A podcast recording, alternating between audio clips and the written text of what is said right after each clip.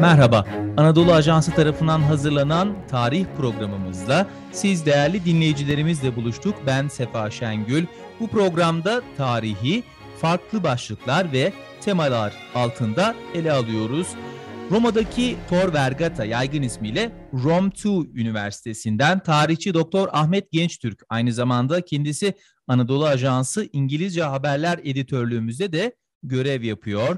Bu tarih yolculuğumuzda bize hem eşlik edecek hem de yol gösterecek daimi konuğumuz olacak. Kıymetli dinleyicilerimizin de affına sığınarak kendisiyle samimiyetimize binaen ona abi diye seslenmek istiyorum. Ahmet abi hoş geldin. Hoş bulduk kıymetli kardeşim ve meslektaşım Sefacığım. Bu güzel selamlamanın ardından e, şöyle yavaş yavaş e, konumuza da girelim istiyorum. Bugünkü konumuz yemek ve tabii tarih açısından bunu ele alacağız ki son yıllarda gerek fast food kültürünün yol açtığı sağlık ve buna bağlı olarak da psikolojik ve aynı oranda önemli bir ekonomik maliyetin farkına varıldığını hepimiz gözlemleyebiliriz. Bununla birlikte bu kültürün de uzun yıllar etkisi altında olan başta ABD ve İngiltere gibi ülkelerde sağlıklı beslenme ve özellikle de tencere kültürü daha önem kazanmışa benziyor.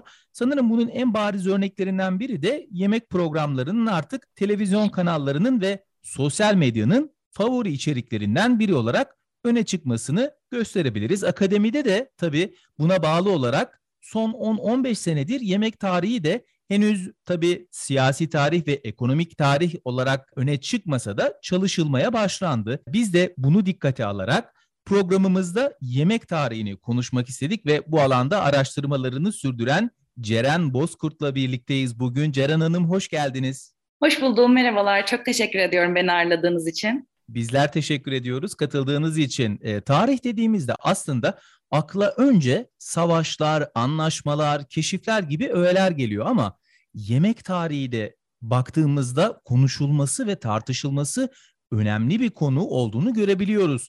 Şöyle başlayalım isterseniz. Neden böyle bir başlık olmalı yemek tarihi olarak? Bunun toplum, kültür ve sosyolojisiyle nasıl bir bağlantısı vardır? Ee, şöyle esasen tarih dediğimizde aslında benim karşı çıkmaya çalıştığım şey bu. Çünkü tarih dediğimizde insanların hakkında sadece savaşlar veya da siyasi tarih geliyor. Aslında bunların hepsi e, makro tarihin alanı. Biz biraz da artık 20. yüzyıl, 21. yüzyıla beraber mikro tarih daha önem kazanmışa benziyor tarihçiler arasında. Yemek tarihi de aslında bir mikro tarih konusu. E, ama şöyle bir mikro tarihten bahsedebiliriz. Biz yemek tarihiyle beraber aslında hem e, ülkelerin politikalarını görebiliyoruz, siyasetlerini görebiliyoruz, ekonomilerini görebiliyoruz, kültürlerini görebiliyoruz. Yani aslında yemeğin karın doyurmadan daha haricindeki manalarını görüyoruz biz yemek tarihiyle beraber. Ben aslında bunun peşine düşüyorum ve yani aynı zamanda yüksek lisansımda, aynı zamanda internet sistemde bu yemeğin farklı mana, manalarını yani karın doyurmanın dışındaki manalarının peşindeyim ben. Ceren Hanım, benim şimdi buraya gelmeden önce sizin çalışmalarınıza biraz göz atma şansım oldu. Sanırım sizin tezlerinizden bir tanesi ki bunu da makaleleştirilmişsiniz. Osmanlı mutfağı ile ilgili. Spesifik olarak benim aklıma şu geldi. Osmanlı mutfağını çalışmak bize ne sağlayacak? Sizin ilgi çekici, dikkate değer bulduğunuz sonuçlar oldu mu bu şimdiye kadar Osmanlı mutfağı üzerine yürütmüş olduğunuz çalışmalarınızda? Tabii şöyle ben lisans tezimi, lisans bitirme tezimi Osmanlı Saray Mutfak Kültürü ve Yemek Siyaset ilişkisi üzerine yazdım. İnsanlar genelde yemek ve siyaset ilişkisi mi diye böyle büyük bir soru işareti ve büyük bir şaşkınlıkla beni dinlediler. E, ama ben şunu iddia ediyorum ve bununla alakalı çalışmalar yaptım. Biz gerçekten yemeğin tarihiyle siyaseti de, ekonomiyi de, sosyolojiyi de açıklayabiliriz. Aslında bu birinci sorduğunuz sorunun da cevabına denk düşüyor. Şöyle e, Osmanlı mutfağı den, dendiği zaman sadece bir devletin mutfağı ya da bir sarayın mutfağı değil Osmanlı mutfağı. Aynı zamanda zamanda kendinden önce gelen çok da çok fazla medeniyetin mutfağı ve kendinden sonra gelecekleri de bir miras bırakılan bir mutfak bu. Biz aslında e, insan olarak yediklerimizle ya da yemediklerimizle kimliğimizi oluşturuyoruz. Yemek aynı zamanda insanın kimliğini oluşturan bir öge ve aynı zamanda devletlerin de kimliğini oluşturan bir öge. Osmanlı saray mutfağı ben bunu her seferinde de söylemeyi e, e, önemsiyorum, kesinlikle söylüyorum. Osmanlı saray mutfağı ile Anadolu mutfağının arasında çok büyük farklar var. Çünkü Osmanlı saray mutfağı birinci sınıf bir mutfak.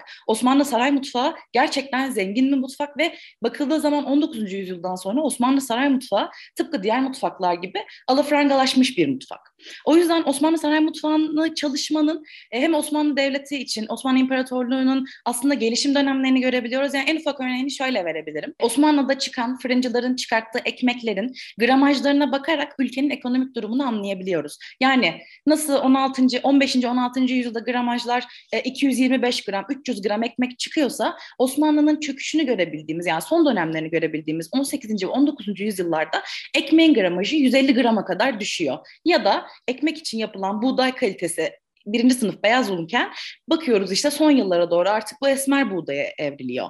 Yani aslında böyle minik detaylarla samanlıkta iğne aramak diyorum aslında ben buna ama kesinlikle bir şekilde hem ekonomiyi görebiliyoruz hem de dediğim gibi siyaseti görebiliyoruz. Ki Osmanlı mutfağında da ben tezimde şunlara değinmiştim. Hani direkt Osmanlı mutfağındaki yemekleri anlatmadım ben. Gelen elçilerden, e, gelen elçilere sunulan takdime, onların kabul edilme sürecine ardından tayinat sistemine, onlara sunulan yemeklere kadar aslında her şeyin siyasetin bir parçası olduğu ve yemeğin siyaseti beslediği e, üzerine bir tez yazdım ben. Şimdi Ceren Hanım aslında benim soracağım soru sizin anlatmış olduğunuz mevzuyu biraz açmak üzerine olacak. Biraz daha ben siyasi tarih perspektifinden bakıyorum tabii kendi eğitimimin de vermiş olduğu motivasyonla diyeyim en azından. Şimdi Osmanlı saray kültüründen, mutfağından ve saray ziyafetlerine değinecek olursak burada siyasi veya diplomatik çıkarımlar var gibi gözüküyor. Benim de anlattığım, sizin anlatmaya çalıştığınız sanırım. Bunun öncesinde Osmanlı'da saraya kabul edilen yabancı devletlerin elçilerinin kabul öncesinde, sırasında ve sonrasında ağır şaratafatlı bir törene tabi olduğunu biliyoruz. Bunun da arkasında Osmanlı'nın uzun yüzyıllar boyunca kendi gücünü ve üstünlüğünü seremonilerle her alanda Avrupalı ve diğer elçilere hissettirmek olduğunu da biliyoruz. Bunun arkasındaki motivasyonlardan bir tanesi. Sizin araştırmalarınıza göre bu durum saraydaki davetlere, ziyafetlere nasıl yansıdı? Birkaç örnek e, var mı sizin vurucu diyebileceğiniz? Evet, evet kesinlikle var. Tam olarak zaten konum da bunun üzerine. Şimdi e, Osmanlı Devleti'ni biliyorsunuz aslında Orta Asya kökenli bir mutfak kültürüne sahip Osmanlı Saray Mutfağı. Ama içerisinde Selçuklu, Bizans e, ve Anadolu sentezini barındırıyor. Yine aynı zamanda Orta Doğu sentezini de barındırıyor. Aynı zamanda 19. yüzyılla beraber alafrangayı da barındırıyor. E, lakin şöyle Osmanlı Devleti'nde elçi kabulü yani tayinat uygulaması sadece Osmanlı Devleti'ne ait bir uygulama. Yani elçilerin Osmanlı toprağına geldikten sonra aslında Osmanlı toprağına ait sayılmasını e, öngören bir uygulama bu tayinat uygulaması. Ve Osmanlı Devleti'ne gelen elçilerin aslında misafir olarak görülmesinden ziyade onların üzerinde tam bir hakimiyet kurma düşüncesi. E, bu yüzden aslında siyasetin tam göbeği, tam aslında divan sofraları ve yemekleri oluyor. Neden? Çünkü önce bir karşılama seremonisi oluyor. Karşılama seremonisi genellikle elçiler kireç iskelesinde onlara bir buhur ve gül suyuyla beraber işte bir kahve takdimi oluyor. Yani başta kültürle tanışıyor elçiler ve ardından genellikle divanda bir yemeğe kabul edilir elçiler. O zamanlar divanda, Ülüfe Divanı'nda özellikle Yeniçerilere verilen 3 aylık maaş zammında özellikle elçilere yemek verilmesi öngörülüyor. Ve biz elçilerin seyahatnamelerinden ya da elçilerin tuttuğu e, elçilik raporlarında nasıl izlenimlerde olduğunu ya da Osmanlı hakkında neler düşündüğünü görebiliyoruz. Şöyle aslında Osmanlı'nın altın çağları diyebileceğimiz yani daha güçlü ve kudretli olduğu zamanlarda elçiler geldiği zaman bunlar defterlere gerçekten işte e, sınırsız yemeklerin olduğunu, e, yemeklerin çok lezzetli olduğunu, belli bir seremoniye göre uygulandığını zaten hep her zaman protokol var yemekte. Yemek hiçbir zaman e, keyfe göre dağıtılmıyor Osmanlı'da. Ama önemli olan şey şu aslında kültür farklılıkları ve sosyoloji burada çok işin içine giriyor.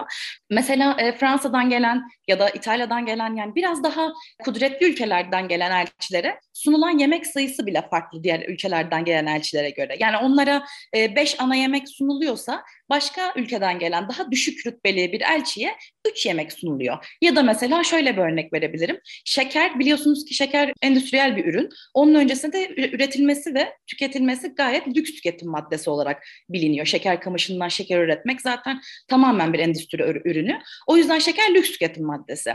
Bu sebeple gelen elçilerin ya da divanda oturan memurların bile kademesine, rütbesine göre şerbet dağıtımı yapılıyor. Eğer siz daha yüksek rütbedeyseniz size şerbet ikram edilirken yemekte aynı masada olsak bile ben sizden düşük rütbeliysem bana su ikram ediliyor. Ya da e, ülke farklılıklarından dolayı doğan en komik hikayelerden bir tanesi aslında bir şey var.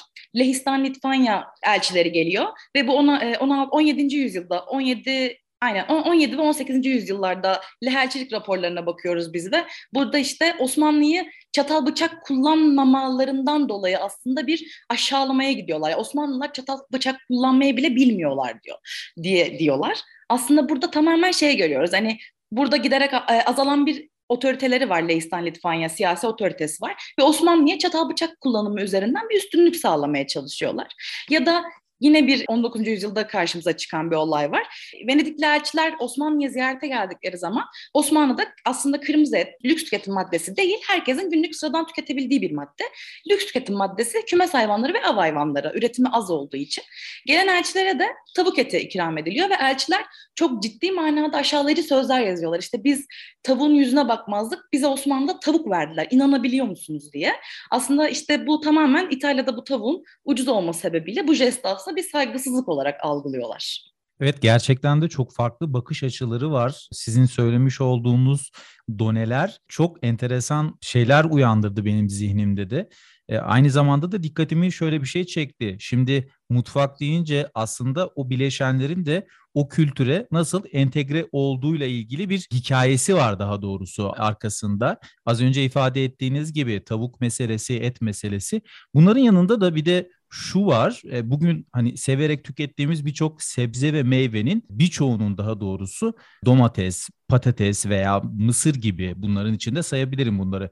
Bu Amerika kıta keşfinden sonra önce Avrupa'ya özellikle işte yanlış hatırlamıyorsam domatesin Güney Amerika'dan bir geliş hikayesi vardı.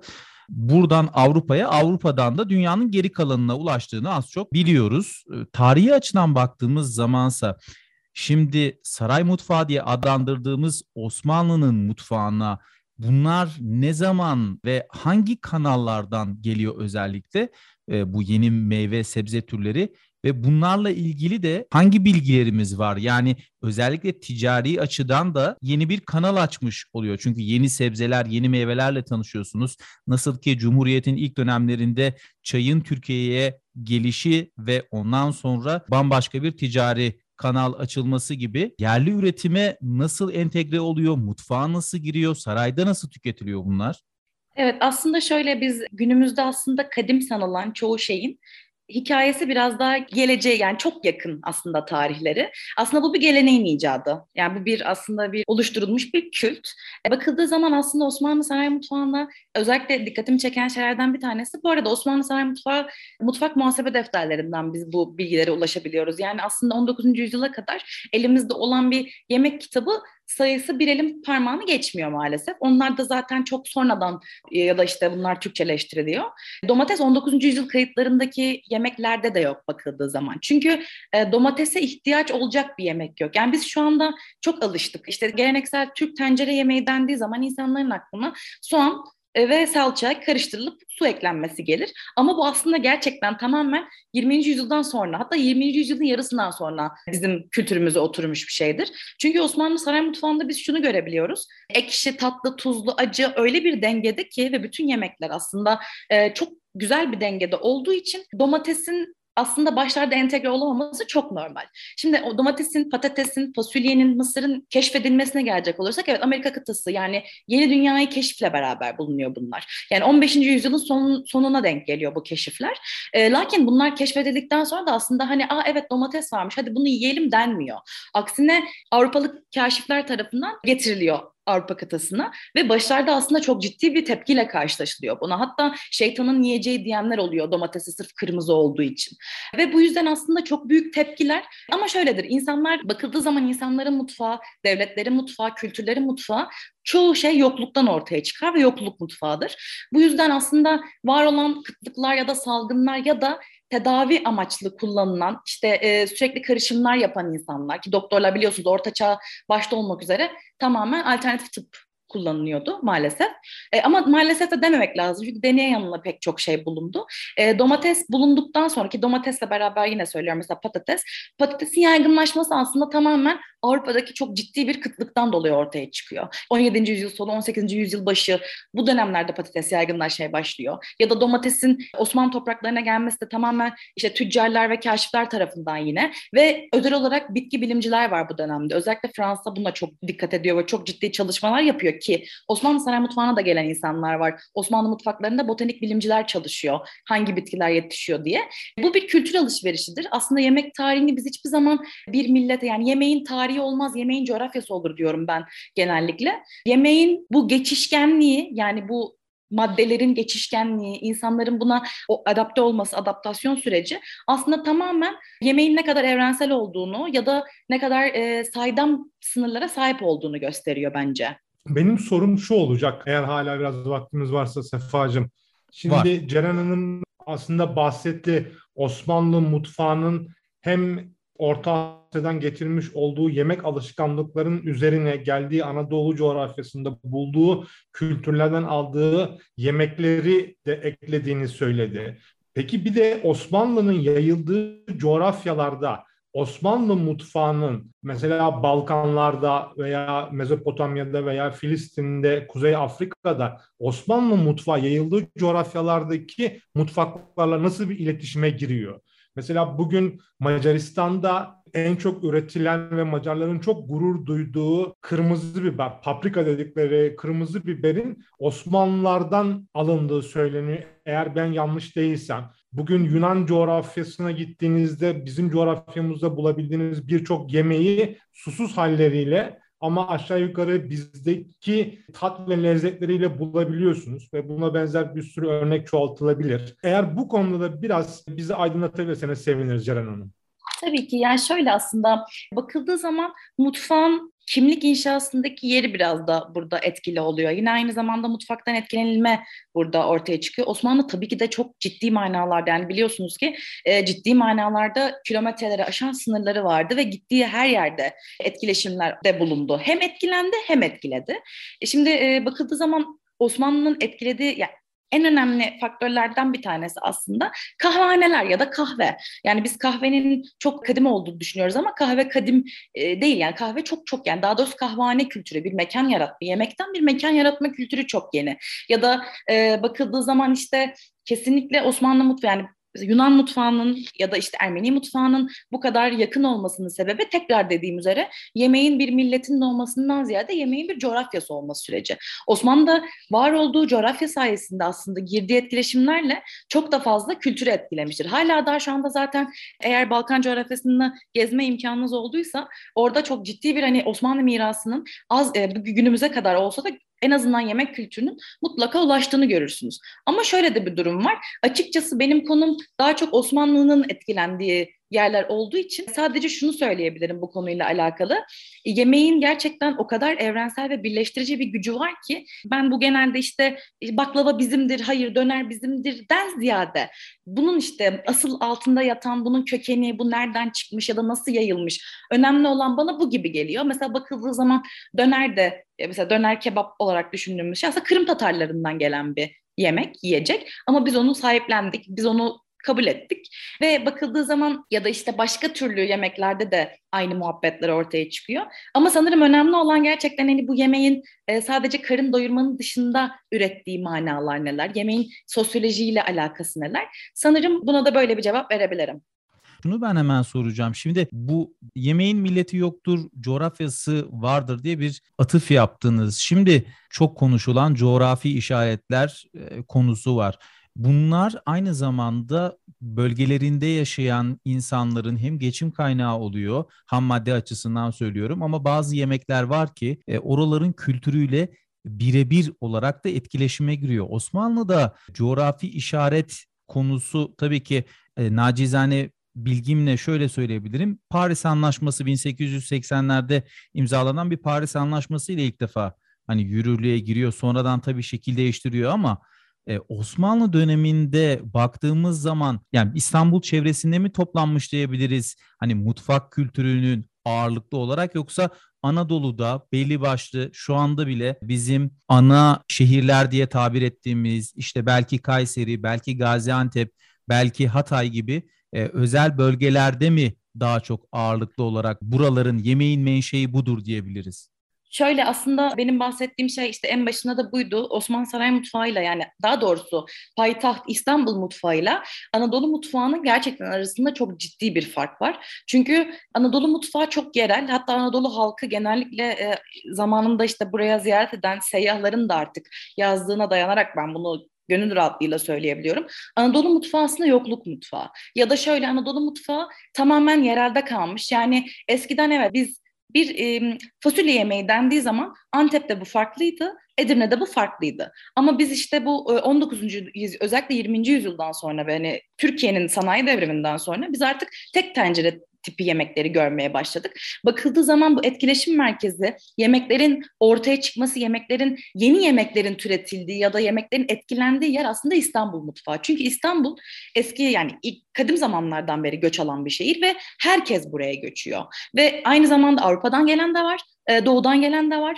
E, bu sebeple İstanbul aslında İstanbul mutfağı bünyesinde her ne kadar şu anda İstanbul mutfağı yok dense de ben buna çok ciddi bir şekilde karşı çıkıyorum. Aslında İstanbul mutfağı bu bütün kültürlerin toplanmış halidir. O yüzden saray mutfağına bakıldığı zaman yani ki saray mutfağında da o dönemlerde e, özellikle 19. yüzyılla beraber mesela Fransa'dan hem bir tercüme odası kuruluyor ve saray mutfağında çalışan Fransız aşçılar var mesela bakıldığı zaman. Hani en büyük ve en yüksek etkilenilen ülkenin Fransa olduğu dönemden bahsediyorum ben. Bu sebeple aslında bizim yerel kaynaklara ulaşma şansımız çok çok sınırlı. Bunu sadece işte sözlü kaynaklarla belki ulaşabiliyoruz ya da sözlü kaynaklarla bunu teyit edebiliyoruz. Ama saray mutfağı ya da İstanbul mutfağı zaman biz bu söylediğim az önce bahsettiğim şeylerden söz edebiliyoruz. Benim başka bir sorum yok. Ben sadece Ceren e, Hanım'ın bahsetmiş olduğu bu mevzuya biraz belki ekleme yapabilirim. Tabii Lütfen. Türkiye'de yemeğin standartlaşması 20. yüzyılla beraber dedi Ceren Hanım ki bu doğru. Tabii bunda ulaşım ağlarının özellikle taşraya önce demir yolu daha sonra da Cumhuriyet'le beraber karayollarının özellikle 50'li yıllardan daha sonra hızlı bir şekilde yayılması ve bu ulaşım ağlarının çevreyle merkezi yani çevredeki şehirlerle taşradaki şehirleri ve taşradaki şehir merkezleriyle kasabaları ve köylerini birbirine bağlamasıyla beraber yemek bir taraftan daha çok farklı yerlerde yaşayan insanlar birbirlerinin yemekleri hakkında fikir sahibi olup çeşitliliği arttırdı ama bir taraftan da standartlaştırdı. Böyle bir etkisi oldu. Ulaşım yani... ağlarının genişlemesinin. Hem de tabii ki bu şunla da biraz alakalı. Ulaşım ağları genişledikçe tabii bunda refahın artması da önemli. Ulaşım ağları genişledikçe de dış dünyadan gelen veya dış dünyadan bizim coğrafyamıza gelen yemek türleri veya yemeklerde kullanılan meyve sebze türleri veya bizim coğrafyamızdan dış dünyaya giden yemek ve meyve sebze türleri de artmış oldu. Bu hem Türkiye içerisinde bir etkileşim hem de uluslararası etkileşimi arttırmış oldu bu ulaşım ağlarının modernizasyonu ve yaygınlaşması. O zaman anladığımız Sanırım... kadarıyla şunu söyleyebiliriz ki yemekte de tabiri caizse bir küreselleşmenin olduğunu gözlemleyebiliyoruz. Özellikle son döneme yaklaştıkça diyebiliriz. Programımızın yavaş yavaş artık sonuna geldik. Gerçekten çok keyifli bir sohbet olduğunu söyleyebilirim. E, Ceren Bozkurt'la e, yemek ve yemeğin tarihini konuştuk. Özellikle Türkiye'nin geç Osmanlı dönemini konuştuk. Saray mutfağının etkileri, saray mutfağına olan etkilerden bize bahsetti. Belki biraz da e, acıktırmış da olabiliriz kıymetli dinleyicilerimizi. Ahmet abinin de artık bana bir yemek borcu olsun. Konuyu kendi seçti çünkü. Tabii ki Sefa'cığım ne demek. Sen umarım Ceren Hanım da belki bize yardım eder. Ankara'da tavsiye edebileceğiniz, özellikle Osmanlı mutfağı diyebileceğimiz bir mutfak olursa hep beraber gider bir yemek yeriz. Ceren Hanım ne dersiniz bu e, davete? Evet evet. E, o, Ankara'da Osmanlı mutfağını bulabileceğiniz en iyi mutfak benim kendi mutfağım. Davet ederim sizi bir gün. Çok, çok teşekkür, teşekkür ederiz Ceren Hanım. Sağ olun. Katılımlarından dolayı Ceren Bozkurt'a çok teşekkür ediyoruz. Güzel bir yayını geride bırakırken tarihin bize bıraktığı mirası ve onun yansımalarını konuşmaya, tartışmaya ve hatırlamaya da devam edeceğiz. Gelecek programlarda da farklı temalarla sizlerle birlikte olacağız. Şimdilik kıymetli dinleyicilerimize saygılarımızı iletiyor, esenlikler dileyerek programımızın bu bölümünü noktalıyoruz. Hoşçakalın.